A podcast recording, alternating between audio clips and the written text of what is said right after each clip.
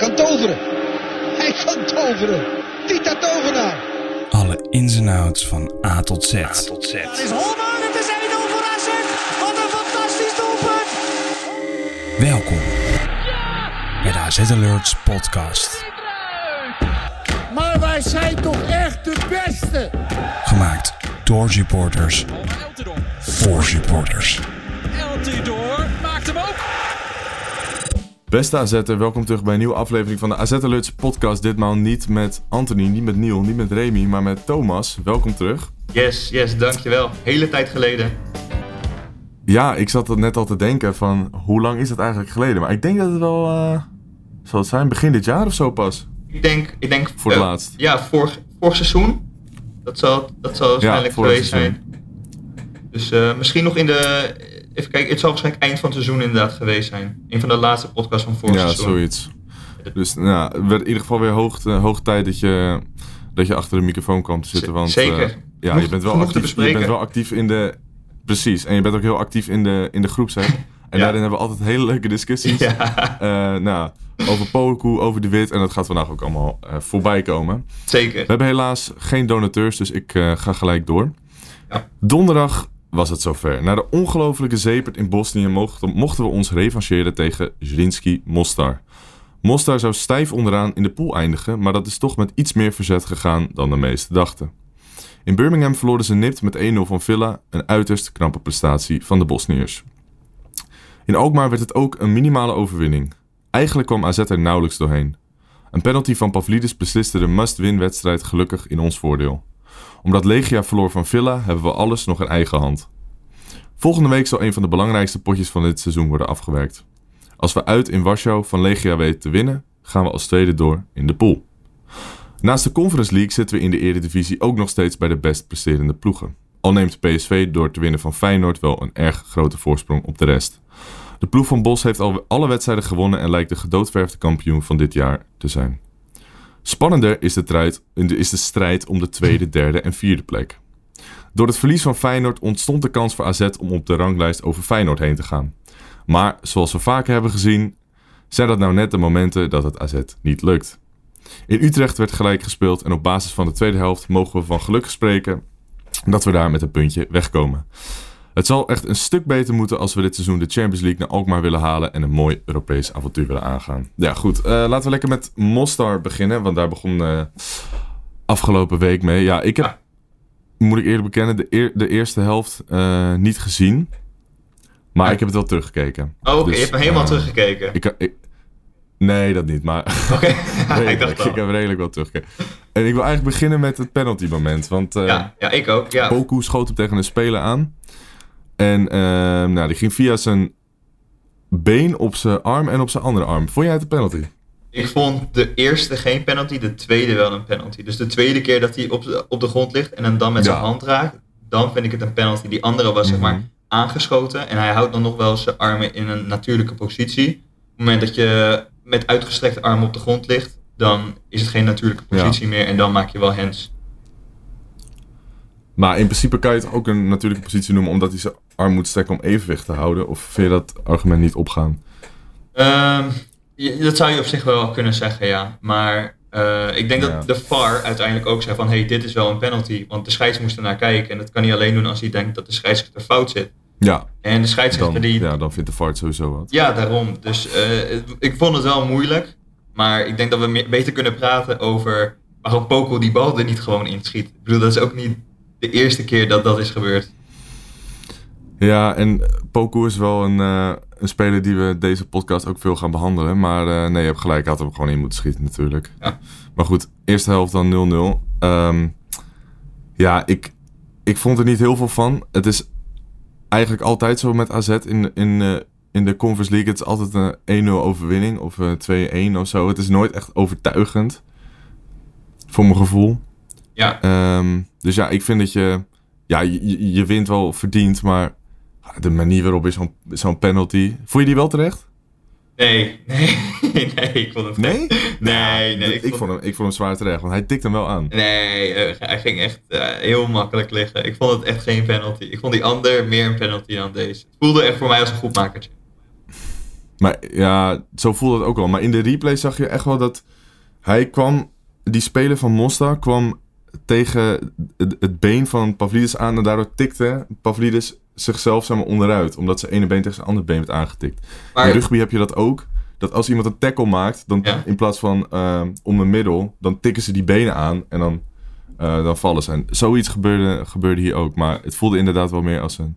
Maar jij, voet, goed- jij, gemaakt. jij voetbalt ook, hè? En hoe vaak he- heb je Ja. nou eh, gehad dat je wordt aangetikt en vervolgens met je eigen benen, je ander, met je ene been je andere been raakt? Hoe, hoe vaak is je dat nou gebeurd in je voetbalcarrière?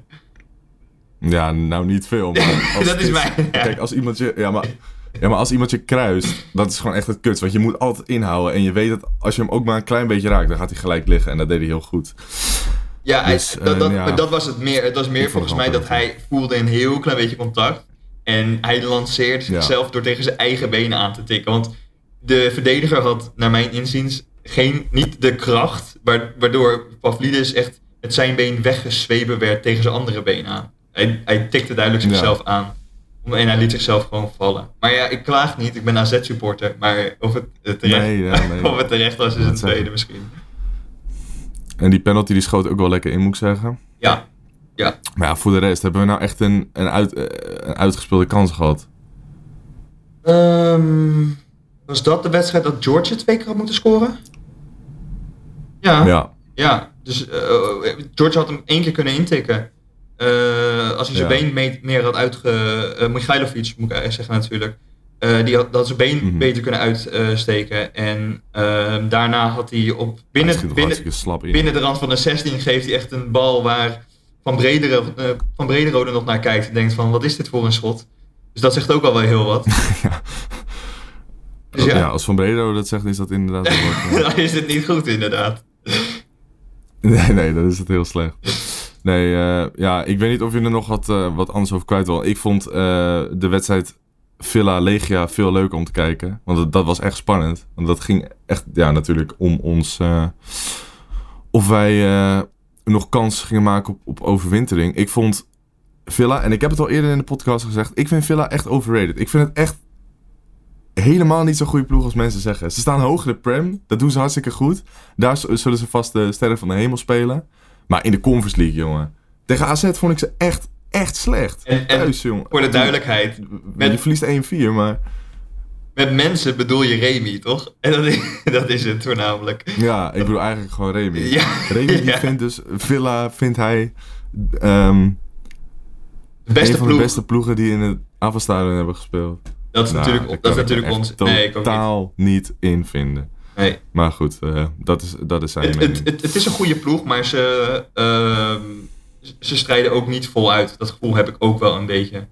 Eh, ze, ze denken ook wel van nou, die Conference League. En ze hebben ook niet altijd hun basisspelers hebben ze allemaal erin. Je ziet wel bijvoorbeeld als zij even gaan aan, Mhm. aan eh, sterken. Bijvoorbeeld eh, dat wij nog gelijk stonden. En dat zij op een gegeven moment de laatste 15, 20 minuten denken van... Oké, nu moeten we er overheen. Dan zie je dat opeens wel snel ja, dan kunnen ze nog Zaniolo, Zaniolo gooien ze erin. Precies. Eh Diaby, Jacob Ramsey, dat zijn gewoon allemaal Ja. hartstikke goede spelers. en dan gaat het hard. En eh, ja, wij hebben... Ja, nee, dat klopt. En wij hebben ook niet echt de bank eh, die daar tegenop kan. Nee, nee, niet echt. Ehm, ja, we winnen dus van Mostar. En daardoor maken we dus nog kans ehm, om door te gaan in Europa. Wat eigenlijk in mijn ogen al... eh, ja, eigenlijk als je van, als je van verliest, dan mag je gewoon niet door. Zo sta ik er een beetje in. Dus ik zou het, ik zou het erg vinden als we niet doorgaan, maar ik zou het wel terecht vinden.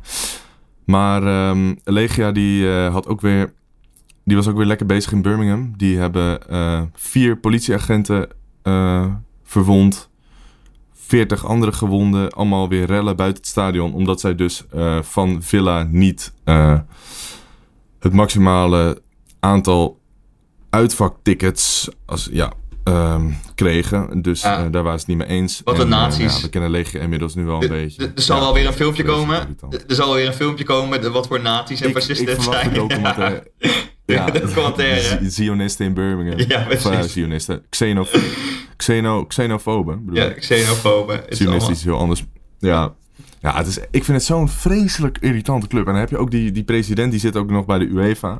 Maar als het goed is, wordt dit nu onderzocht. En eh, nou, Jeroen, die ook eh, in ons uh, AZ team zit, die weet heel veel van wat allemaal in het verleden is gebeurd met clubs die, Ja. die, die zoiets hadden. En die zei dat er bij rellen tussen Dynamo Moskou en AEK was toen een dode ook gevallen, dacht ik zelfs.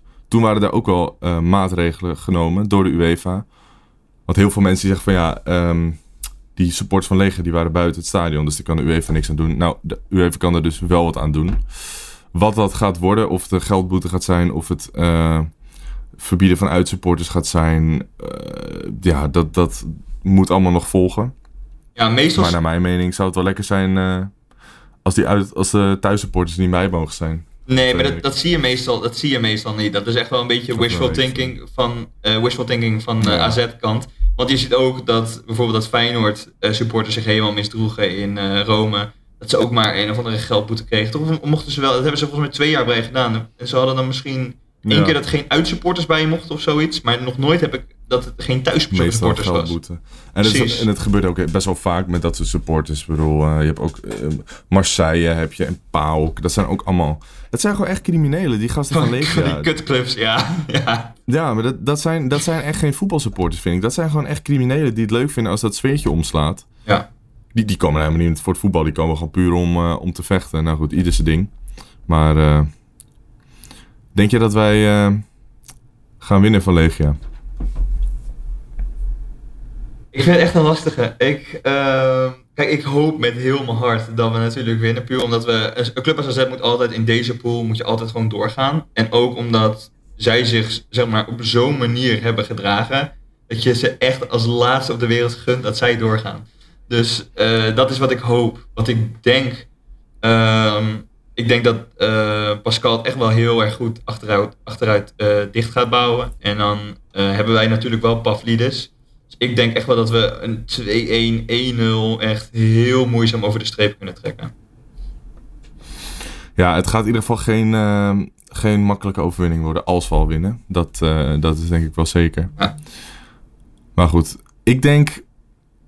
Ja, Legia is wel een heel interessante ploeg qua tactiek. Ze zetten echt heel hoog druk. Dat zag je tegen Villa ook. Ja. Maar ik denk dat wij wel een ploeg zijn die daar um, onderuit kan spelen. En als je dan onderuit bent, dan liggen er echt zeeën van ruimte uh, achterin. Je bent het niet helemaal met me eens, zie ik, dat we daar onderuit kunnen spelen? Nee, ik heb ons niet vaak onder druk uh, uit zien spelen dit seizoen.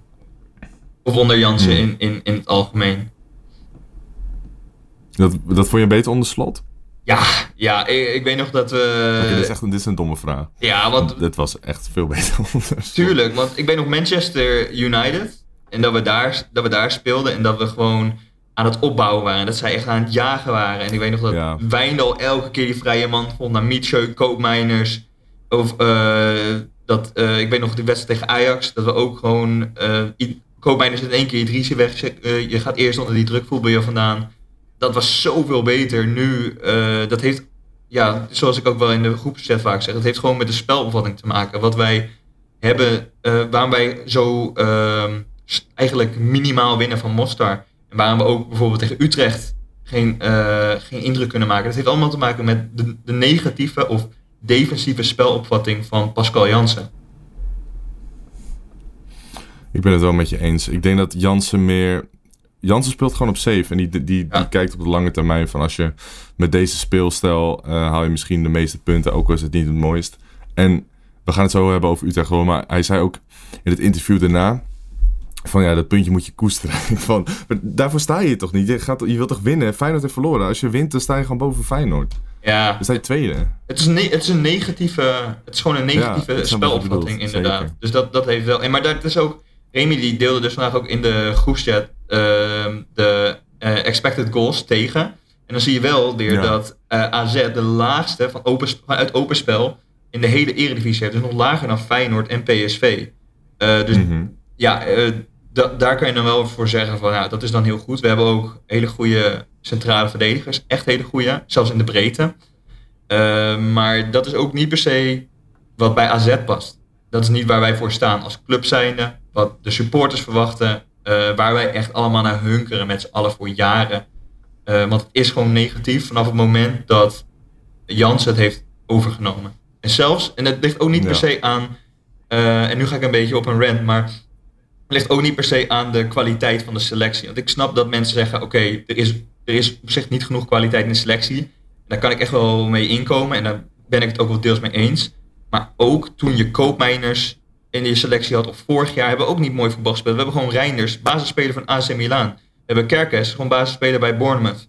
Eh, je hebt Carlson nog, die echt elke, elke wedstrijd eigenlijk over dat dode punt heen trekt. En dat is het spel onder Pascal Jansen. Het is verdedigend iets inbouwen en hopen dat je zoveel kwaliteit hebt in de aanval. Dat je eigenlijk gewoon daarmee dat puntje kan scoren. Want hoe vaak heeft Carlson ons niet met een of ander afstandsschot tegen SV Groningen, wat echt al gedegradeerd was. Stond aan de 88ste minuut en dan maait hij er een in van 20, eh, 20 meter. Maar de hele wedstrijd creëer bijna geen kans, omdat je helemaal gewoon geen positieve spelopvatting hebt. Je speelt niet zoals een PSV en een, en een Feyenoord. Nee, je speelt heel negatief, balletjes terug, eh, heel eh, smal, alles in de as, heel langzaam baltempo, zodat je die bal maar niet verliest. We spelen liever 1, 2, 3 balletjes terug dan een riskante paas naar voren. En dat is gewoon, eh, zelfs met goede spelers, zal je dat ook krijgen. En eh, het verlengde daarvan, ook dat bijvoorbeeld de Wit, want ik denk daar gaan we het ook nog wel even over hebben. Misschien is dat goed om het nu even in te leiden. Eh, want Mhm. de, de Wit heeft natuurlijk in de media nu al geklaagd. Staat er twee wedstrijden uit. Nu al, is er nu al aan het klagen. Dat is echt redelijk bizar. Ik weet niet wat jij ervan vindt. Ja, wij weten natuurlijk iets meer dan de gemiddelde supporter. En wij weten dat het ook iets met eh, contractuele eh, verplichtingen te maken heeft. Wij denken dat eh, de Wit niet gaat verlengen, dat hij daarom eh ernaast zit. Maar ik, ja, ik, ik ben het op zich wel met hem eens. En ehm, we waren hier ook over aan het discussiëren wat we nou precies de stelling van de week moesten maken. Het is nu, ehm Poku is niet klaar voor een basisplek in het eerste elftal geworden. Dat gaan we zo ook bespreken. Maar ik wilde eigenlijk peilen of eh, mensen de kwaliteiten van de Wit belangrijk vonden dan de tussen aanhalingstekens creativiteit van Mihai- Mihailovic ehm, en Mijnans. Want ik denk dat eh, de Wit, hij, voetballend heeft hij zich ook ontzettend veel eh, ontwikkeld. Ja. Maar de Wit heb je soms echt gewoon nodig in die potjes dat je er gewoon niet uitkomt. Zoals tegen een Legia. Ja, bedoel, Ja. Hij is niet creatief, dat kunnen we allemaal wel stellen. Maar hij brengt wel dat pit en die veld. En hij heeft veel diepte. En hij komt gewoon vaak op die goede plek. Want hij scoort regelmatig. De laatste tijd dan eh, wat minder. Maar hij komt altijd in die positie. Als jij tegen, als verdediger tegen een Dwit moet, dan heb je echt een, een kutwedstrijd hoor. Want je hebt Ja. constant een middenvelder die over die laatste linie heen gaat. En dan moet je met z'n allen afspreken. Gaat er nou een, een middenvelder van ons, gaat hij constant met hem meerennen? Niemand kan de hele wedstrijd dat doen. Want de Wit is echt een conditioneel beest. Die heeft toen eh, twee seizoenen geleden tegen Ajax thuis, of misschien wel vorig seizoen was dat, ik weet het niet meer precies, 15 kilometer in één wedstrijd afgelegd. Dat gaat gewoon Ja. helemaal nergens over. Dat kan ik niet eens in, eh, in drie hardloopsessies, om maar even zo te zeggen. Ja. Maar ja, ehm, Maar dat, dat, die kwaliteiten, die, ja, die, dat heb je af en toe gewoon nodig om die wedstrijd open te breken. En ik snap dan dat, dat hij hem misschien nu eventjes een paar wedstrijden ernaast zet om te experimenteren met Mihailovic en Mijnas. Maar als Mijnas dan uitvalt en Mihailovic heeft gewoon weinig laten zien. Ja, dan vind ik eerder dat, dat je Mihailovic eh, de kans moet geven als hij echt op training laat zien dat hij er klaar voor is. En dat hij gewoon eh, meer kan bijdragen aan het team. Maar als je over de afgelopen jaren kijkt, De Wit is zo belangrijk geweest. Ook uit tegen Napoli maakte hij eh, de winnende goal. ja. Ja, Ik denk het, ook, het, is echt, het is echt niet een... Ik ga mijn betoog even afmaken hoor. Maar het, Ja, het is echt een koekenbakker. Ik bedoel, hij kan, hij kan gewoon prima voetballen. Anders, anders zat hij niet bij AZ. ja, ben ik je vind dat, dat mensen daar vaak overheen kijken. Dat, dat De Wit... ehm, hij is niet zo goed eh, voetballen als een Dantes of een Mijnas of een Mihailovic of een Klaasie. Maar hij kan het wel. Ja. Omdat hij ontzettend veel erop heeft getraind. En omdat hij dan mee kan... heb je ontzettend veel aan de andere kwaliteiten. En dat is bij hem de felheid, de diepgang, de duelkracht... en het team op, op, op, op sleeptouw. En het druk zetten ook trouwens. Dat wou ik zeggen inderdaad, daar wou ik op inhaken. Ik denk dat een van de belangrijkste punten die, eh, als je kijkt naar de wedstrijd, en dat zeiden we ook al tegen elkaar, van je ziet eh Michailovic, zie je echt om zich heen kijken bij het druk zetten. Dat zie je gewoon heel erg Ja. gebeuren tegen Utrecht en je ziet het gebeuren tegen Mostar. Naar om zich heen kijkt En eh, De Wit is iemand die, die kijkt niet om zich heen, die rent naar voren. Dus dat sowieso. Maar hij wijst en hij, hij en Pavlidis zeggen ook bijvoorbeeld tegen een Poku. Dat doet uh, Michailovic natuurlijk niet. Die zegt, hey, jij moet nu aansluiten. En die, zet, die maken die druk een beetje compleet. En zorgen ervoor dat, de, dat het verdedigend goed staat. Dat is, nogmaals, heeft weer te maken met dat, dat, de, dat de aanvallers, uh, de twee de voornaamste spelers, dat moeten doen. De verdediging de aanval organiseren. Het, het, is natuurlijk, verdediging is het heel fijn. Maar je zou ook willen dat ze misschien meer met aanvallen bezig kunnen zijn. Maar nogmaals, dat is de spelopvatting. Maar daar is hij wel heel uh, belangrijk in. En dat mis je nu ook, dat je geen druk krijgt op uh, Utrecht. Ook omdat Michailovic gewoon geen idee heeft. Hij staat echt daar verloren bij. En, uh, de, de wit heeft een uit, ja, en de Wit heeft een uitstekende kaats. Dat heeft echt een hele goede kaats. Ja. En voor de rest, het is, het is een beetje onbeholpen, maar hij is heel functioneel. En ik denk, over jouw stelling, ik denk dat het belangrijkste is dat Michailovic, als je een nummer 10 zo gaat gebruiken als dat uh, nu gedaan wordt, dan ga je toch geen creativiteit krijgen. Want uh, Pavlidis is degene die de hele tijd naar uh, de middenlijn toe komt, of tenminste diep komt, om die bal op te halen. Wie staat er dan juist in de punt van de aanval? Dat is Michailovic. Dus Pavlidis is dan de speler die voor de creativiteit moet zorgen, terwijl hij onze topscorer is. Pavlidis zou altijd in de punt van de aanval, tenminste voornamelijk in de punt van de aanval staan. Hij kan goed uitzakken, maar hij moet niet de uitzakker zijn als hij en, en, en Michailovic naast elkaar staan. Michailovic die kan, niet, die kan niet heel goed een goal maken. En dan is het ook niet logisch dat Michailovic in de punt van aanval blijft staan, terwijl hij juist daar uh, volgens Jansen creativiteit moet brengen. Dus dat komt niet helemaal overeen. En je ziet Michailovic en de hele opstelling klopt niet. En ook met de Wit is dat, want je hebt geen aansluiting van het middenveld tot aan de aanval. Want of je nou met de Wit speelt of met Michailovic, staat een, een nummer 10 die hoort eigenlijk de verbindende speler te zijn tussen, de, tussen middenveld en de aanval. Maar dat is onze meest vooruitgeschoven speler. Dus op welke speler daar ook neerzet, die zal nooit creativiteit geven, want die staat veel te hoog daar op het veld. En ik snap niet, met zo heel veel dingen hoor van Jansen, ik snap niet wat Jansen daar überhaupt mee wil uh, bereiken. Wil hij een lange bal spelen op Michailovic? Of op, ik snap niet wat, wat het doel is aan twee spelers, ja. je nummer 10 en je nummer 9, op vijf meter van elkaar afzetten, terwijl je stroberig hebt en geen aansluiting hebt. En je, en je buitenspelers ook verzuipen, omdat Sugawara uh, ook als een uh, verdedigende middenvelder staat te spelen en het spel smal houdt, waardoor een Poku of Sadiq of uh, Lachdo het hele seizoen al geen ondersteuning krijgen met een overlap. Dat wil Wolf nog wel eens doen. Maar ik snap niet waarom. Dat was onder slot zo succesvol. De hele tijd die overlap en die laag teruggetrokken voorzet. Ik, snap niet waarom we dat niet meer hebben. En Sugawara heeft een goede voorzet en hij heeft het vermogen.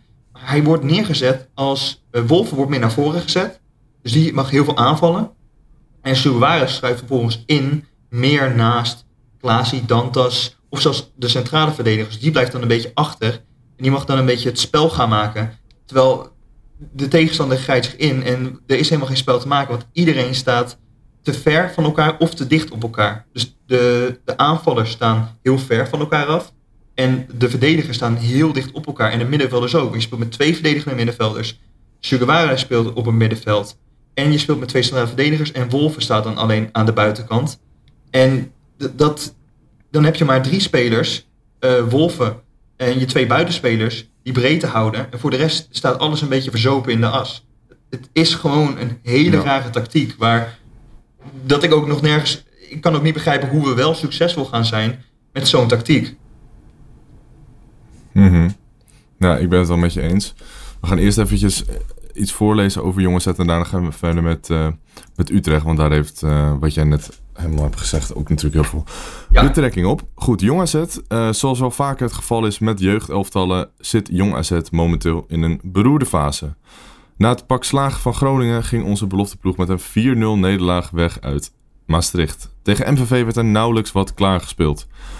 Ondanks de twee verliespartijen staat Jong AZ nog steeds op een uitstekende elfde plek in de KKD. Ja, Thomas, jij had uh, in de groepsapp had jij nog een, uh, een, een, video van de highlights gestuurd. En uh, ja... Dat was niet goed, hè? Hoe, hoe, hoe, hoe zag er oh. lekker uit. En, oh. Ja, maar kijk, kijk, dat kan gebeuren. Ik bedoel, het is een jonge gozer en... Gebeurde vorige ja, week ook al. al. In, in de slechte fase zit... Ja, maar je moet nou niet weer zo... wij, zijn, wij zijn van de Owusu Oduro fanclub, hè, dus... Ja, dat, Ik, ik, ik, kijk, ik, weet, ben ik ook, weet zeker dat hij het gaat halen. Het komt wel ik, ben, ik, ben, ik, kijk, ik ben ook heel fan van hem, want hij is, hij, heeft, zeg maar, de hij is een hele atletische keeper met een geweldige reflex. Maar ik denk wel Ja. dat... Ik ben zelf natuurlijk keeper geweest. En een paar van de luisteraars die weten het ook. En ik wil je dan geen comments over, jongens. Ik was gewoon een prima keeper. Maar een keeper... een keeper zonder vertrouwen... Dat is het meest dodelijke wat er is. Dat zie je ook aan Findal bijvoorbeeld. Eh, dat zie je altijd als, als keeper eenmaal dat vertrouwen verliest. Kijk naar Onana. Op, eh, in, in, eh, die heeft ook geen vertrouwen. Is gewoon slecht begonnen. Daar is hij er nooit meer helemaal ingekomen. En als keeper ga je dan echt blunders maken. Je komt uit. Tijdens het uitgaan denk je van... Oh, daar had ik wel of niet moeten gaan. En dat zie je ook in die wedstrijd met Rome. Dat er op een gegeven moment een voorzet kwam. En normaal gesproken, een Rome die vertrouwen heeft... zou eh, naar voren springen. Want hij is super atletisch. Hij is snel en hij, eh, hij springt echt heel hoog en heel snel. Normaal gesproken was hij naar voren ge- ge- gekomen om die bal weg te stompen. En nu dacht hij, blijf maar op een lijn staan. En die bal stuitert eigenlijk op zijn 5 meter. En ehm, ja, die, die tegenstander die scoort dan ook heel makkelijk. Ook omdat het verdedigend gewoon niet echt klopte. En wat eigenlijk dus het belangrijkste is voor uh, Ogus Oduro, is dat hij gewoon echt met vertrouwen gaat keepen. Dat hij echt weet van, hey, ja, ik, ik, kan, ik kan deze bal pakken. Ik ga deze bal pakken. En als je dat vertrouwen hebt, voor een keeper is echt essentieel. Nou, we gaan het zien uh, in januari. Ik denk dat, dat hij er wel klaar voor is. Alleen, um, ik denk ook dat het wel een beetje te maken heeft met de spelers die hij voor zich heeft in Jong AZ. Ik bedoel, normaal heb je Goes en, uh, en Dekker. Dat is gewoon een prima uh, centraal duo voor de KKD. Maar tegen MVV had je dan Vin Stam en Jorn Berghout. En dat is toch wel, ja, toch wel een klasse minder. Ja, zag er en, echt niet goed uit ja, inderdaad. Dat zou het ook wel... Nee, Nee, daar zou het ook wel mee te maken kunnen hebben. Goed, we gaan verder met Utrecht Ah, uit. Want, wil, je, wil je niet uh, nog even over uh, Meerdink hebben? Want... Uh, oh, we willen het nog over Meerdink hebben. Ja, ik, ik, Ja. ik, ik, ik wil het wel vragen. Wat, wat vind jij? Want dat gaat ook niet de goede kant op natuurlijk. Nee, kijk, eh, wij dachten allemaal dat het wel eh, ja, gewoon de vervanger van Pavlidis zou worden. Ja, Maar als je kijkt hoe hij de laatste wedstrijden speelt, ja, dat is toch gewoon ja, erg weinig. En ik vind dat hij, hij heeft een geweldige trap, maar ik vind dat hij het eh, op een verkeerde manier gebruikt. Hij schiet zo wild. ja, klopt. Oh, die ene bal op de paal had er gewoon ingemoeten. Ja, maar eh, dat inderdaad. Maar in de, eh, in de Youth League, toen ze wonnen, toen, toen vond ik hem wel iets, ik weet niet, iets rustiger of zo. Misschien, hij straalt wel een beetje van zich af van, dit is, dit is echt een, een niveau wat ik makkelijk aan kan. En Ja. misschien in de KKD, misschien voelt hij wel een beetje die druk van dat hij nu next up is, zeg maar, dat hij nu eh, de vervanger van Pavlidis moet worden.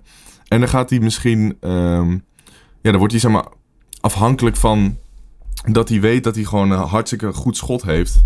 En daar gaat hij zich alleen maar op focussen. Ik zie hem alleen maar schieten. Terwijl hij ook echt geweldig kan meevoetballen. Heeft hij ook wel een paar keer gedaan En-. Zag je ook wel, dat hij echt eh die 1-2 Ja, ja, had. ja. Er kwam een hele goede kans uit. dacht ik, ja, dat is wel echt hele goede techniek heeft hij. Zeker, dat, dat heeft hij absoluut. Alleen, ja, ik vind dat hij te veel op zijn schot eh, vertrouwt. In de zin van dat hij gewoon keihard op het doel schiet en dan maar gewoon hoopt dat hij erin gaat. En, heel, en als hij erin gaat, is het een schitterende goal. Maar je maakt gewoon meer goals als, jij net, als je naar een Pavlidis kijkt. Voordat hij Ja. schiet, kijkt hij gewoon even. Waar moet, hij, waar moet ik hem plaatsen? Waar staat de keeper? En bij Meerdink is het gewoon... tsk, tsk, pff, zeg maar, om het Ja. eh, zo uit te beelden. Ja. ja, ik weet niet hoe ik het anders moet Nee, klopt. klopt. Maar ehm, ja, ik, ik ben benieuwd, maar ik, ik... Ja, Meerdink. als hij dit, Zeg kijk, als, maar. als hij dit laat zien in de Eredivisie, dan heb je wel echt wel, Mhm. als AZ zijn en hij is de eerste spits, heb je echt wel een probleem. Want hij heeft volgens mij één of twee doelpunten gemaakt die niet uit penalties zijn dit hele seizoen in Jong AZ. Dus dan, eh, dan kan je al wel Oh, zeggen, dan, is ben echt uh, Ja, dat- dan ben je niet klaar op dit moment. Maar dat kan heel snel veranderen, want hij is nog jong. Maar op dit moment ben je dan nog niet klaar. Ook om invaller te zijn in AZ1. Ja. Nee, alleen, de enige die, alleen de enige die er klaar voor is, eh, op dit moment, om in te vallen, eh, naast Goes. Iedereen weet, eh, Goes is natuurlijk, ik vind hem echt geweldig talent. Maar naast Goes is, en Adai, is Smit. Ja, ik vind Smit... Smit is de enige die ze in ieder geval wel haalt. Ook in zo'n ja. slechte fase, vind ik. Ja, zeker. Echt goede dingen. Ja, dat is gewoon echt, echt een geweldig talent. En ik vind hem ook iemand die niet heel erg... ehm, nou, hij zal de druk wel voelen, maar het doet hem niet zoveel voor mijn gevoel. Hij, hij speelt gewoon zijn spel, hij weet wat hij kan. Ja, nuchtere En Volendammer, hij hè? doet Ja, nee, Zie je? is hij, Volend- hij komt uit... eh, Ja, hij is, hij is. Volendammer. Nee, is, het, is dat zo? Oh, Hij wacht, ik ben, ik, ben in de ik ben in de war met Kwakman. Ik ben in de Kwakman, ah, ja, ja, ja, ja. Sorry, dit, Ja, is, komt inderdaad uit Volendam, maar eh Smit is, het neef- die komt... is het neefje van. Net als... Ik weet het niet. Dat Ja, ja, ja. Hij is, ik heb erover geschreven inderdaad. En ehm, hij is dus het neefje van Kees Kwakman. Oh, oh wat Ja, grappig. Oké, ja. nou, dan weet in ieder geval van wie die geen talent heeft. Misschien Ja, verdedigend. Misschien verdedigend. Nou, laten we lekker verder gaan met Ja. eh, Utrecht uit, want daar hebben we het natuurlijk ook net al een beetje over gehad. Maar eh, ja, wat vond je ervan? Poku, eerste helft was eigenlijk de enige eh, met echt dreiging. Ja. Maar moet, moeten we daar nou, je, je, je zei het net al terecht vind ik, moeten we daar nou op, eh, ja, op vertrouwen? Dat, dat we alleen door hem diep te sturen iets kunnen creëren. Want dat idee had ik een beetje. Het was echt alle, alle ballen Poku en dan maar Ja. kijken of je er langs komt. Ja, nee, dat, dat is gewoon... Het is weer een zwaktebod. Het is weer eh, proberen een kwaliteit te vinden in plaats van dat je er een goed geheel van maakt. En dat echt laat draaien. Is het weer op een bepaalde kwaliteit eh, vertrouwen. En ik moet ook wel zeggen over het technische beleid, om even snel een uitstapje te maken. Het lijkt wel alsof Huiberts gewoon eh FIFA's aan het spelen is. En gewoon in, instelt van snelheid 90 en nu spelers aan het kopen is. Want de, de spelers die binnenkomen, die zijn echt zo snel, maar ze kunnen er niet per se heel erg veel van. Maar goed, op Poku valt daar ook onder wat mij betreft. Want dat is echt op dit moment nog een, echt een doodloper. Maar hij heeft, hij heeft wel iets. En hij is ook laat bij AZ gekomen. Waardoor, even kijken, hij speelt nu sinds 2019 speelt hij bij AZ. En daarvoor speelde hij in de amateurs. Dus eh, je ziet vaak met die laadbloeiers, eh Toornstra, volgens mij Kuit, Jaap Stam, ehm, jij volgens mij El Kayati. Dat zijn spelers die heel laat eh, erin zijn gekomen in het profvoetbal. En ook Dumfries. Ook bij- Dumfries is een heel goed voorbeeld, want hij had altijd last van harde voeten. Op zo eh, werd het Ja. getypeerd. En die is hij ook gewoon verloren. En hij heeft zich ook gewoon eh, later in zijn carrière nog veel meer kunnen ontwikkelen. En ik denk ook wel dat er voor Poku, dat je niet nu hem al moet afrekenen en zeggen, nou, dat is geen talent, want hij heeft de bal niet onder controle. Want dat- hij heeft inderdaad de bal vaak niet onder controle. Maar ik denk met twee à drie jaar, dan, spe- dan speelt hij pas eh, echt vijf, zes jaar in een DVO. En dan pas kan je eh, echt zien dat hij zich gaat ontwikkelen op dat vlak. Nu is het vooral heel atletisch. Ik denk dat heel veel mensen ook nu al verwachten dat hij er gewoon staat. Ja, Terwijl het ook Hij- nog een hartstikke jonge jongen is. Hij wordt in januari wordt hij 20. En wat jij zegt, als we nog twee, drie jaar Poku zien, dan is hij nog maar 22, 23 als hij, eh, ja, ja. Als hij hier nog een paar jaar speelt. Dus dan, dan is hij gewoon nog hartstikke jong.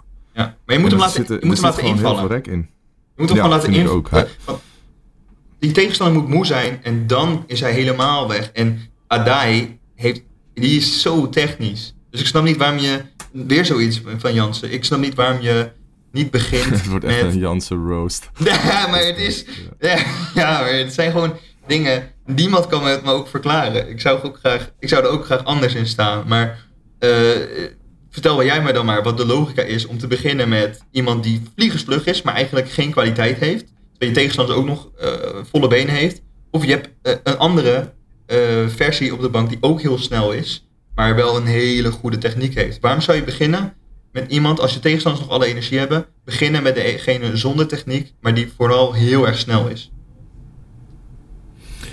Ik denk dat Poku zit al langer bij, eh, bij het eerste. Die tent ook al langer mee. Ik denk dat Ja. dat de reden is waarom Jansen voor hem kiest. Maar als je naar echt puur kwaliteit kijkt, ja, dan kan je eigenlijk al zien dat Adai gewoon de betere speler is van de twee. Tuurlijk. Adai heeft andere kwaliteiten, maar dat, dat, ligt, dat ligt AZ gewoon beter. Ja. Want we hebben, al, we hebben al best wel veel snelle spelers op die positie. Dus het is niet per se iets wat je, wat je op die positie mist, waarvan je denkt van we moeten een speler met die eh, kwaliteit hebben, omdat, we, ja, om, omdat het daar, daaraan ontbreekt op die positie. Dat is gewoon niet het geval. Dus ja, ik snap het persoonlijk ook niet helemaal. En ik denk dat wat jij net zegt, ehm, ben ik het volledig mee eens. je moet hem gewoon laten invallen. Je zag tegen RKC toen hij inviel, speelde hij echt heel goed. Omdat hij dan tegen spelers komt die al, Ja. eh, nou misschien het is het 70 minuten, 80 minuten erop hebben zitten. Ja. Stel je voor En dat je een dan verdediger bent. Echt, dan is hij echt weg. Dan is hij Precies. echt, daar, hou- daar houdt niemand hem bij. En dan heeft hij ook die ruimte eh, waar, hij, eh, waar hij in kan duiken. En daardoor maakte hij eh, twee assists Ja. tegen RKC, RKC uit. En dat is, dat is per- de perfecte rol voor Poku. En Ja. vanuit daar moet je dan gaan opbouwen. En als hij gewoon constant goed invalt, dan mag hij in de basis, vind ik. Maar nu is het echt van, kijk, kijk wat voor mooie uh, jeugdtalent we hebben hier.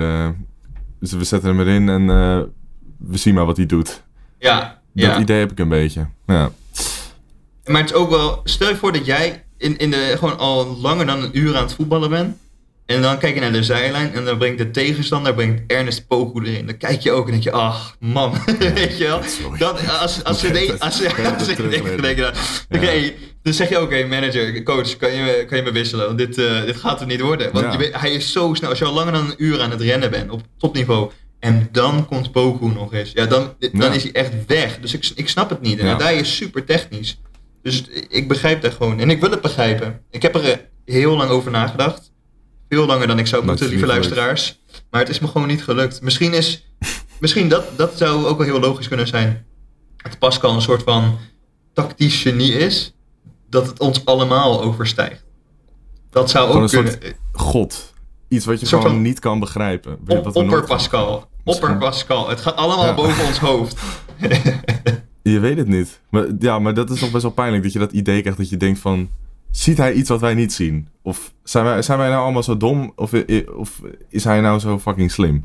Ja, maar die wissels toch Ja, ook? Het is toch Ik gek bedoel, dat, je, dat, je dat... eh, ja. Wissels in- ja, wissels ik het Utrecht. trouwens goed dat je dat aankaart. Ja, wat? Waarom? Zo laat? En dan ook Pavlidis iedereen zag uithalen. dat het vanaf de vijfste... Ja, maar vanaf de 65ste, 65ste minuut was het al gewoon Utrecht die echt eh, beter aan het voetballen waren. Meer controle hadden over de wedstrijd. En ook gewoon de kansen bij elkaar speelden. Ja. Dan moet je wisselen. Maar ja, dit is echt al een, een veel voorkomend onderwerp waar we het echt al tientallen podcasts over hebben gehad. Het wisselbeleid van Pascal Jansen, dat snapt niemand. Ja, als speler, als je in de 88ste minuut inkomt, dan heb je toch ook helemaal geen zin in. Nee. Kom man, Nee. dan kan je, je speelt nog niet eens 10 minuten. Wat staat dat Nee, nou? nee, snap het het ook niet goed. Laten we eventjes wat lichtpuntjes eruit halen, want die hebben we wel. En dat is eh, Bruno Martens Indy. Ja, Bruno Maestro, Bruno Maestro Indy. Bruno Maestro Indy. Bruno Maestro Indy vind ik een hele goeie. Ja. Ja, hij speelde echt weer gewoon echt een dijk van een wedstrijd. En hij haalde zeuntjes in. Ja, dat is Heb echt... je dat Hij, is- gezien? ik, zei, ik zei toch, hij is drie keer zo snel geworden in zijn blessure. Hij is, gewoon, hij is sneller geworden. Hij kan in de half spaces, kan hij. In de half, Mr. Halfspaces. Mist de half spaces. Ja. Hij heeft een geweldige lange bal. Oh, hij kon Hij dat wel het niet. al. Nou, Maar niet zo goed als nu. ik heb hem eh, balletjes op uh, Hatsidiakos zien spelen voor twee seizoenen lang. Dat was letterlijk Ja, het hele spel. Gewoon de, de balletjes over Ja. en weer. En nu opeens naar voren. En wij van AZ Alerts hebben hele betrouwbare inside informatie. Dat hij eigenlijk niet echt geblesseerd was. Maar dat hij gewoon die hele tijd puur aan het trainen was om een betere alleen voetballer. maar lopen trainen. Alleen maar sprintjes getrokken, Alleen maar. gebokst voor zijn, eh, voor zijn atleticiteit. Hij is met Ronaldo is naar Saudi-Arabië gegaan. En, ja, ja, ja. dat is wat echt aan de hand is. Want dit is, dit, we hebben dat, nog nooit, idee, dat idee krijg je wel, hè? ik heb hem nog nooit zo goed gezien. Hij is echt beter dan Penetra. Nee, en het... Hij is oprecht... Hij is veel beter dan Penetra, vind ik. Is hij ook beter dan En, Goes? ehm, dat Bazoer wegvalt... Nou, ja, hij is veel beter dan Goes. Maar Goes, die, die, die komt echt wel, hoor. Maar, eh, oh, dit is vloeken in de kerk bij mij. Ja. ja, dat weet ik. Maar ehm, ja, Goes heeft gewoon niet die ervaring. En je ziet dan, Martins Indy, die straalt gewoon wat uit. Dat is wel zo. staat wel Maar, zomaar echt wel gewoon wat op het veld. En bij Goes heb je dat nog niet, maar dat is logisch. nee, maar dat is alleen, zeg maar, uit, dat is alleen uiterlijk. Want hij met tegen Feyenoord vorig jaar wonnen we. Met Lazio. eh, met hem in de basis wonnen we ook. Dus het is, je denkt, als je naar hem kijkt, denk je van, wat is dat een ielig mannetje zeg. Maar eh, Mhm. ondertussen is hij verdedigend zo sterk. Ik, ik pleit er ook voor dat, ik weet dat we Penetra hebben aangekocht voor volgens mij wel van 4 à 5 miljoen. Maar ik vind Penetra op dit moment, ik, hij begon zo sterk, maar hij maakt nu gewoon niet een hele zelfverzekerde of een juiste indruk. Ja, topsportklimaat. En ik, Goes is nog nooit... Ik heb nog nooit een slechte wedstrijd van Goes en AZ 1 gezien. Maar ik ben misschien een beetje veroordeeld. Ik ben de grootste Goes-liefhebber, denk ik, van heel AZ Alert. Dat zou best wel kunnen. Ja, Oh. Ik ben ook eh, best wel fan van hem hoor. Want eh, wat je zegt, als hij speelt, dan lijkt het alsof hij er al jaren staat. Ja. En dat is iets wat je gewoon weinig ziet bij jeugdspelers. Jeugdspelers hebben altijd tijd nodig om zich te ontwikkelen, om even te wennen aan het niveau, aan de druk die erbij komt kijken. En hij, het boeit hem gewoon niet. Hij, hij, Nee. hij, hij doet gewoon wat hij moet doen. En ik denk dat, dat Smit ook wel zo'n speler is die dat, eh, Ja. die dat Ja. heeft. Maar goed, BMI, de GOAT eh, inmiddels. BMI is eh, onze beste verdediger. Ik denk, is hij beter dan Bazoer op dit moment? Nee, ik vind Bazoer het beste. Ja, Maar het, ik ben hartstikke blij dat je Bazoer wel nog kan opvangen met de Penetra. En eventueel ook nog een Goes. Dus verdedigend Ja. zitten we echt goed hoor, dit seizoen. En wat je er net eh, in het begin ook zei over die expected goals tegen. Dat zegt eigenlijk al genoeg. Dat we gewoon... Ik bedoel, het, het heeft ook te maken met de spelopvatting, wat je zei. Maar het heeft ook Ja. te maken met dat je gewoon echt, echt een goede verdediging hebt. En we hebben nu zeven tegengoals in de hele competitie tot nu toe. Dat is eh, evenveel als PSV. Ja, dat, dat is gewoon een hartstikke goede statistiek waar je, ja, waar je gewoon op, eh, op vooruit moet bouwen. maar is denk dat, is dat wel Martens zo? Indy daar ook wel een... eh, ja, ik denk dat Martens Indy daar een, een hele grote rol in speelt. Of het... Maar voor, Kijk, voor Martens Indy, voor Martens Indy Mhm. hadden we al de minst gepasseerde verdediging. Want ik weet nog, tot hij erin kwam, hadden we maar vier tegendoelpunten gekregen.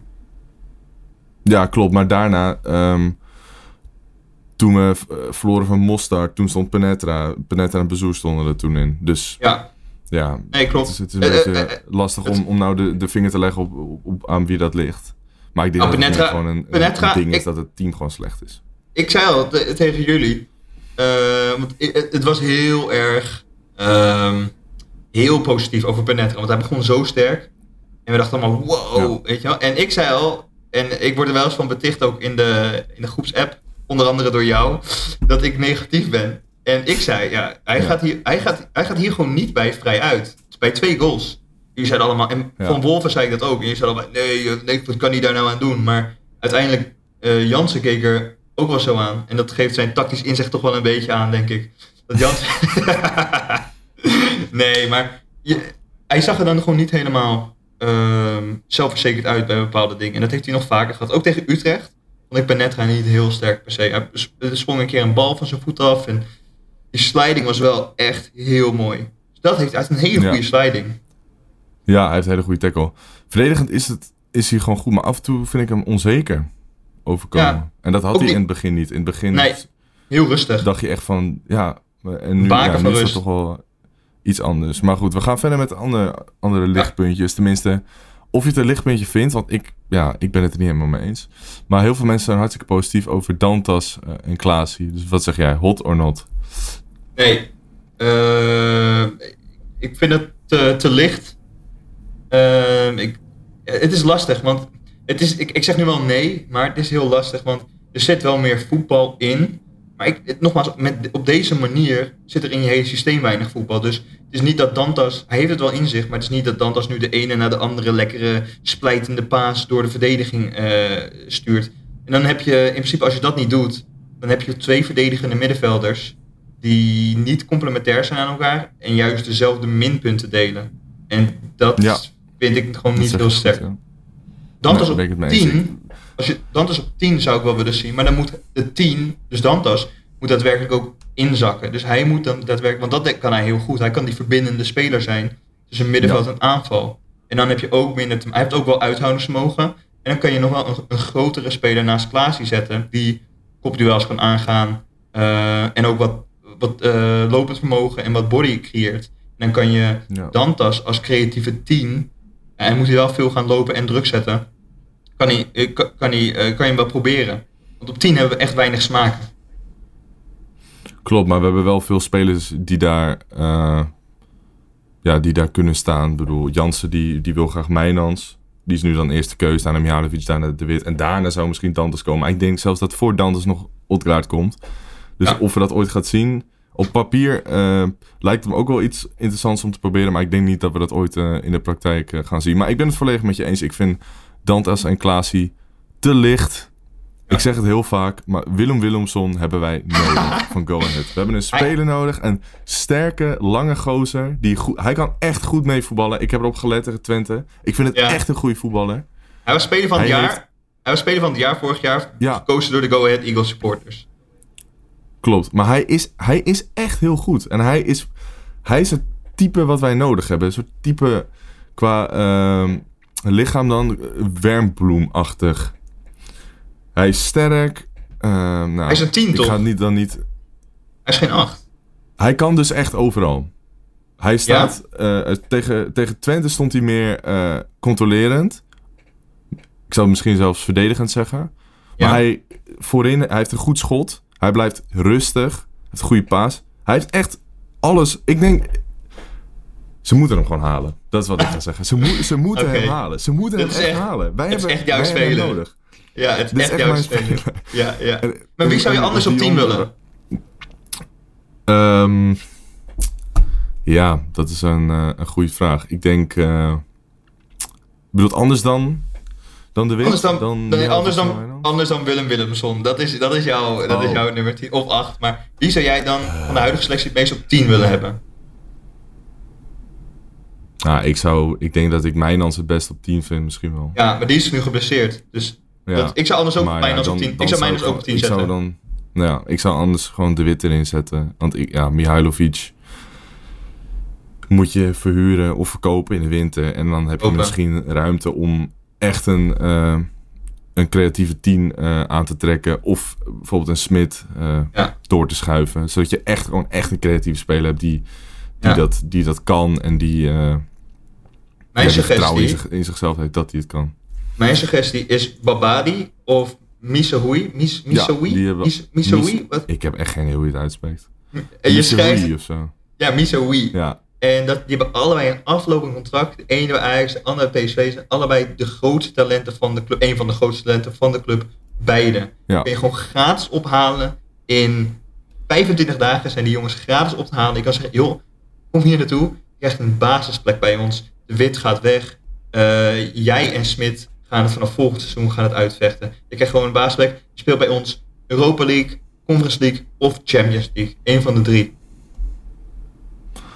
Ik vind Babadi een geweldige Oh, oh. speler. Die echt als, die zou, AZ als, die, als die zou komen, dan heb je opeens. Ja. Dan hoeft Jans ook geen goede vind- tactiek meer eh, het is te ook- creëren. Nee, maar het is ook een jonge speler die... AZ is gewoon de perfecte kweekvijver voor, voor bijna alle talenten. Je Ja. hebt gewoon een selectie waarin je, je kan doorgroeien, je hebt concurrentie. Maar er staat geen druk op, omdat je bent AZ. Ik bedoel, iedereen... Wij nemen AZ natuurlijk heel serieus, omdat we AZ-supporters zijn. Maar als ik met Ajax of Fe- Feyenoord spreek of zo... Dat is altijd dat schattige clubje uit Alkmaar. Natuurlijk probeer, bedoelen ze dat denigrerend. Ja. Maar het klopt op zich al. Want we, we zijn een. We zitten gewoon nog steeds net onder de echte topclubs. En dat, ja, dat is iets wat, eh, wat tijd nodig heeft voordat het echt verandert. Ook qua mentaliteit eh, is dat het dingetje. Want er staan bij AZ gewoon jongens op het veld. Er staan geen mannen, er staan jongens. En dat is het verschil tussen een, een, een Feyenoord en een AZ. Als je, ook al ben je 20, als je bij Feyenoord in de basis staat, dan heb je gewoon die, die volwassen mentaliteit. En bij AZ eh, ja, mis je dat, vind ik. Maar goed, hey, we zijn drie kwartier aan het lullen en we moeten nog best wel veel bespreken. Dus ik zou zeggen... Oké, we oké. lekker Dat verder al wel, dat al bijna klaar. Oké, van de ja. week. Yes. En dat, eh, dat was, had ik al eh, even voorgelezen, maar dat is... Poku is niet klaar voor een basisplek in het eerste elftal. En ik ga er eventjes wat Instagram comments bij pakken. Maar ik zou graag van jou willen weten, wat vind je ervan? Nou ja, daar hadden we eigenlijk al. het mee eens eh, het oneens? nou, we hadden eigenlijk al besproken dat hij moet invallen. Dus is hij klaar Hmm. voor het eerste? Op dit moment wel, omdat ook Sadiq eh, niet. En in sommige situaties heb je hem nodig. Dus hij is wel in die zin klaar voor het eerste. Is hij klaar voor een basisplek? Zeker weten niet. Nee. Dus jij zegt basis niet, wissel wel. Oké. Ja. De topcomment onder onze Instagram post was van Twan van Rossum. Die zegt juist, hij had de dreiging... Hij zegt juist, op een stelling die eens of oneens is. Ik weet niet wat hij nou wil, maar... Lekker, lekker Hij Twan. had, de dreiging wat, hij had de dreiging wat menig buitenspeler nog niet heeft gehad dit seizoen. Hij heeft natuurlijk wel kansen gemist, maar er komt tenminste dreiging vandaan. Dus ik denk dat hij pleit voor een basisplek. Ja. Ehm, heel veel mensen zeggen ook, hij is 80% van de dreiging. Vindt wel dat hij meer moet benutten. Maar met deze stelling is 8 van de 10 niet capabel om basis te staan. Hashtag Jansen oud. Oké. Leuk. Triadai, Ehm. Triadai hashtag. Die moeten we weer inbrengen. Ja, maar ik ben, ik ben niet zo... Kijk, ik ben het wel met je eens hoor, maar ik vind toch wel dat je achter de mensen van je club moet blijven staan. Rick van Rossum zegt, ja, gewoon basiswaardig. Zodra hij zijn eerste goal maakt, komt hij los en dan gaat hij echt belangrijk worden voor ons. Dit is ook wel iets eh, waar ik in geloof. Maar ja, ik vind dat dat meer vanuit Niet. de bank eh, moet komen. Ik, ik, ik niet. Ehm, Want Jong AZ oh. heeft hij het ook niet gedaan, hè? Jong AZ heeft hij ook slechte eh, cijfers. hm, ja, nee, dat Scoort klopt. hij Maar ja, Drie doelpunten in in de 15 Youth League heeft hij- wedstrijden. Dat is niet veel, maar ja. Ja, omdat hij zo snel is. Ja, maar hij, hij staat tegen Ja. jongens van 17 staat hij te sprinten. Weet je hoeveel Ja. tijd hij dan krijgt? Ja, eh, ja, je ziet als hij heel veel tijd krijgt, ja, dan sc- scoren jij en ik ook nog wel als je zo snel bent. Mhm. Eh, Stijn Buse zegt: Max heeft gegokt met Van Bommel en Poku als waardige vervangers op de flanken, maar het is voorlopig nog niet goed genoeg voor de verwachtingen die ze zelf creëren. Je mist echt de aansluiting naar voren en dan doelt hij op Reinders natuurlijk. En de creativiteit op de flanken zet hij Kerkers en Carlson bij. Ja, dat ja, het lijkt me in principe gewoon logisch. eh. van Bommel, daar hebben we het nog helemaal niet over gehad. En eh, ja, we hebben ook niet echt genoeg tijd om daar uitgebreid over te hebben. Maar ja, dat is ook gewoon... Ik weet het niet. Hij is goed, maar ook weer niet of zo. Ik vind, hem, ik vind hem alleen een goed schot hebben, maar ik heb hem... Ja, hij heeft een goed schot, maar... Ja, die Stijn, die komen, die, die zegt het wel goed. Max die dacht echt van... Oh, we hebben nu de vervanger van Carlson. Of... eh, weet ik veel. Ja. Of, of eh, een betere speler dan van Brederode. Maar ja, hij komt ook maar van MVV. Hij heeft, hij heeft een half, half seizoen fantastisch daar gespeeld. Maar dan kan je niet verwachten dat hij er opeens staat. Ik, ik weet niet of dat, dat de verwachting was, want hij haalt alsnog wel Sadiq heel laat in de transferperiode. Dus ik denk dat ook Ja, Max... Sadiq is meer rechts buiten. Ja, maar hij heeft ook heel veel linksbuiten gespeeld. Dus ja, hij is multifunctioneel daar. Dus ik denk dat Max ook wel dacht van, oeh, er moet op de flank iets bij. En ik denk ook dat hij en niemand had verwacht dat Odgaard zo slecht zou zijn dit seizoen. Ja, maar Odgaard wordt ook niet goed gebruikt. Odgaard is een spits of Odgaard is een 10. En in de spits, Ja. vorig seizoen, begin van het seizoen hebben we het gezien. Toen Pavlidis geblesseerd was, was hij gewoon echt goed. Was hij zelfs speler, Ja. van, de, speler van de maand geworden. Dus ehm, ja, ik vind dat Jansen me wel een beetje eh, kapot maakt wat dat betreft. Maar goed, dat is voor de andere, andere stelling of Andere een ander keer. moment om dat Ja. te spreken. Want wij gaan vooruitblikken. Want wij hebben best wel een interessant potje. Dat is eh, voor ons morgen, want we nemen dit op dinsdag op. Dat is AZ-NEC. Dat zijn die zes minuten die we moeten inhalen. Voor de mensen die het niet weten, AZ-NEC, dat stond toen eh, poeh, 1-2. twee voor Ja. NEC. ja. 1-2 voor NEC. En toen is eh, Bas Dost eh, plotseling naar de grond gegaan. Er moesten allemaal EHBO-teams en eh, reanimatieteams en zo bijkomen. Dus dat was allemaal heel heftig. En toen is besloten om niet meer door te spelen. En dat wordt dus morgen voor ons ingehaald op woensdag. Ja, dit is toch een wedstrijd dat je echt eventjes anders moet kijken naar hoe je voetbal speelt. En gewoon alle ballen naar voren moet pompen. En gewoon tien man voorin zetten. Ja, je, hebt zes minuten. bedoel, Het, het, wordt ook geen, het is ook niet voetbal te noemen. Je krijgt gewoon straks een paar wissels en eh, je gaat gewoon het doen en zij gaan met hand en tand verdedigen. En eh, ja, ik weet niet, zes minuten een beetje die ballen naar voren. AZ kennende zullen ze ook wel weer lekker rondspelen achterin. Ook al heb je maar zes minuten. Ja, zo is het er ook. Dus eh, ik, ik, ik, verwacht er, ik verwacht er niks van. Ja? Dus jij zegt NEC gaat 1-2. eh, Ja, ja, ik denk dat er niks verandert. ik denk dat het 2-2 wordt. En dat zou ik heel, Oh. heel lekker vinden. Maar is het realistisch? Denk het niet. Ik denk dat, je wel dat de meest realistische eh, uitkomst gewoon 1-2 voor NEC is. Want AZ heeft gewoon geen plan B. Wij spelen vanuit een bepaalde opvatting. En als dat niet lukt, zijn we eigenlijk gewoon de lul. Want we hebben geen type weghorst die je erin kan zetten. Waar je ballen naar voren kan pompen. En dat er nog iets gebeurt. Dat ge- zo, ja, die hebben wij Nee. gewoon niet. Precies. Dus Ook weg, ja, ik ook weg het is gewoon niet heel goedkoop trouwens. Maar nee, daar verwacht ik niet veel van ook. Nee. Goed, dan hebben we naast NEC hebben we nog een andere wedstrijd.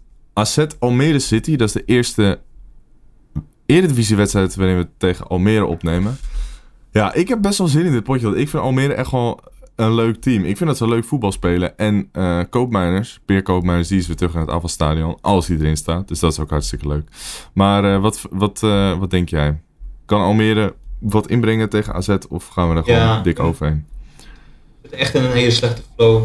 Dus ze hebben echt heel weinig kwaliteit. Maar Pastoor heeft het goed neergezet. Ik had ze liever eerder in het seizoen getroffen, toen ze echt heel slecht speelden. En nu eh, doen ze het gewoon veel beter. Ja, ik vind het heel lastig dit te zeggen. Ik denk misschien 1-0 of iets dergelijks met de Pavlidis. En dat je het een beetje rommelig wordt en dat je hem toch wel weer over de streep misschien trekt. Eh, ja, een beetje dus zo'n soort Mostar-achtige overwinning. ja, een beetje zoiets inderdaad. Dat gok ik Nou wel. kijk, we hebben tegen Volendam ook gespeeld. En ik vind Volendam wel g- vergelijkbaar met eh, Almere City. Al vind ik Nee, Almere wel Volendam is beter. Is- speelt echt zwakker. De kwaliteit daar Ja, gelaten. klopt. Maar, gewoon- Maar het scheelt niet veel, vind ik. Dus we- kwaliteit of hoe ze spelen? Ehm, nou, hoe ze spelen is wel een groot verschil. Maar kwaliteit die op het veld staat. Ik bedoel, Volendam dat- heeft dat- wel... Ja, dat scheelt niet veel. Dat komt ook omdat Volendam niet per se naar hun kwaliteit spelen. Dat is echt open huis. En Mhm. Almere City had volgens mij wat zeven of zes wedstrijden op rij niet verloren of zo. Echt een goede reeks neergezet. Ja, die had een hele goede reeks inderdaad. Maar goed, wat is jouw voorspelling? 1-0. Wat zeg jij? jij 1-0, oké. Ja. Ik zeg eh 3-0. Ik denk, Zo, zo. ja, voor, voor Jansen bal is dat wel gewoon een eh, ruime overwinning. Nou ja, het is een ruime overwinning, maar het is een ruime echt een, eh, eh, het is, het is een monsterscore zelfs. Maar het kan ook. We hebben ook van uh, PEC of Fortuna hebben we ook 3-0 gewonnen. Dat was ook gewoon geen goede wedstrijd. Go ahead, dat- begin het seizoen. eh, Dat was, maar dat was, dat was wel een dat was, ja, 5-1, dat was wel een aardige wedstrijd. Maar we hebben ook 5-1. van PEC volgens mij gewonnen met 3-0 inderdaad. En dan keek ik ook, had ik die wedstrijd gekeken, dacht ik ook, het is helemaal geen goede wedstrijd. Maar je wint toch 3-0. Ja. ja, dat is wel weer eh, de hand van Jansen. We Ja. kunnen wel ook wedstrijden winnen als we slecht spelen. En onder slot Ja. had je dat soms... Ja, dat je dat, je dat, dat je dat toch niet over de streep kon trekken. Misschien Kunnen we het ook ook- wel iets meer... Kunnen we ook wedstrijden spe- eh, winnen als we goed spelen dan? Is dat niet een leuke stelling voor, voor volgende week? ja. Nou, ik vind dat we dat best wel doen. Ja? tegen, tegen Volendam was het echt dat iedereen wel dacht van... Ja, dit is wel klopt. een leuke wedstrijd. Dat was, maar ja, dat het was, is, het dat is was de leukste wedstrijd van het seizoen. Dat was de leukste wedstrijd van het seizoen Ja. voor mij. Absoluut. En dat was niet omdat het zo spannend was, maar dat was gewoon omdat er frivol werd gevoetbald. Ja. Veel gallery play zag je ook. Dat was echt gewoon leuk om naar te kijken. En voor de neutrale toeschouwer was het ook hartstikke leuk. Ehm, ja, ik zeg eh 3-0 en jij 1-0. Dan gaan we verder met de Scorito tussenstand. We zijn er weer op het einde van deze aflevering. Scorito, JV Velsen staat op 1. Milan AZ op 2 en Wessel Dogger staat op 3. Dus eh, nou ja, blijf lekker doorspelen en eh, wie weet val je in de prijzen. Voor nu wil ik jullie bedanken voor het luisteren. Volg ons even op Insta en Twitter. AZAlerts om niks van het laatste AZ nieuws te missen. Doneren kan via de link in de Twitter bio. En dan zeg ik op naar de Sorry. victorie.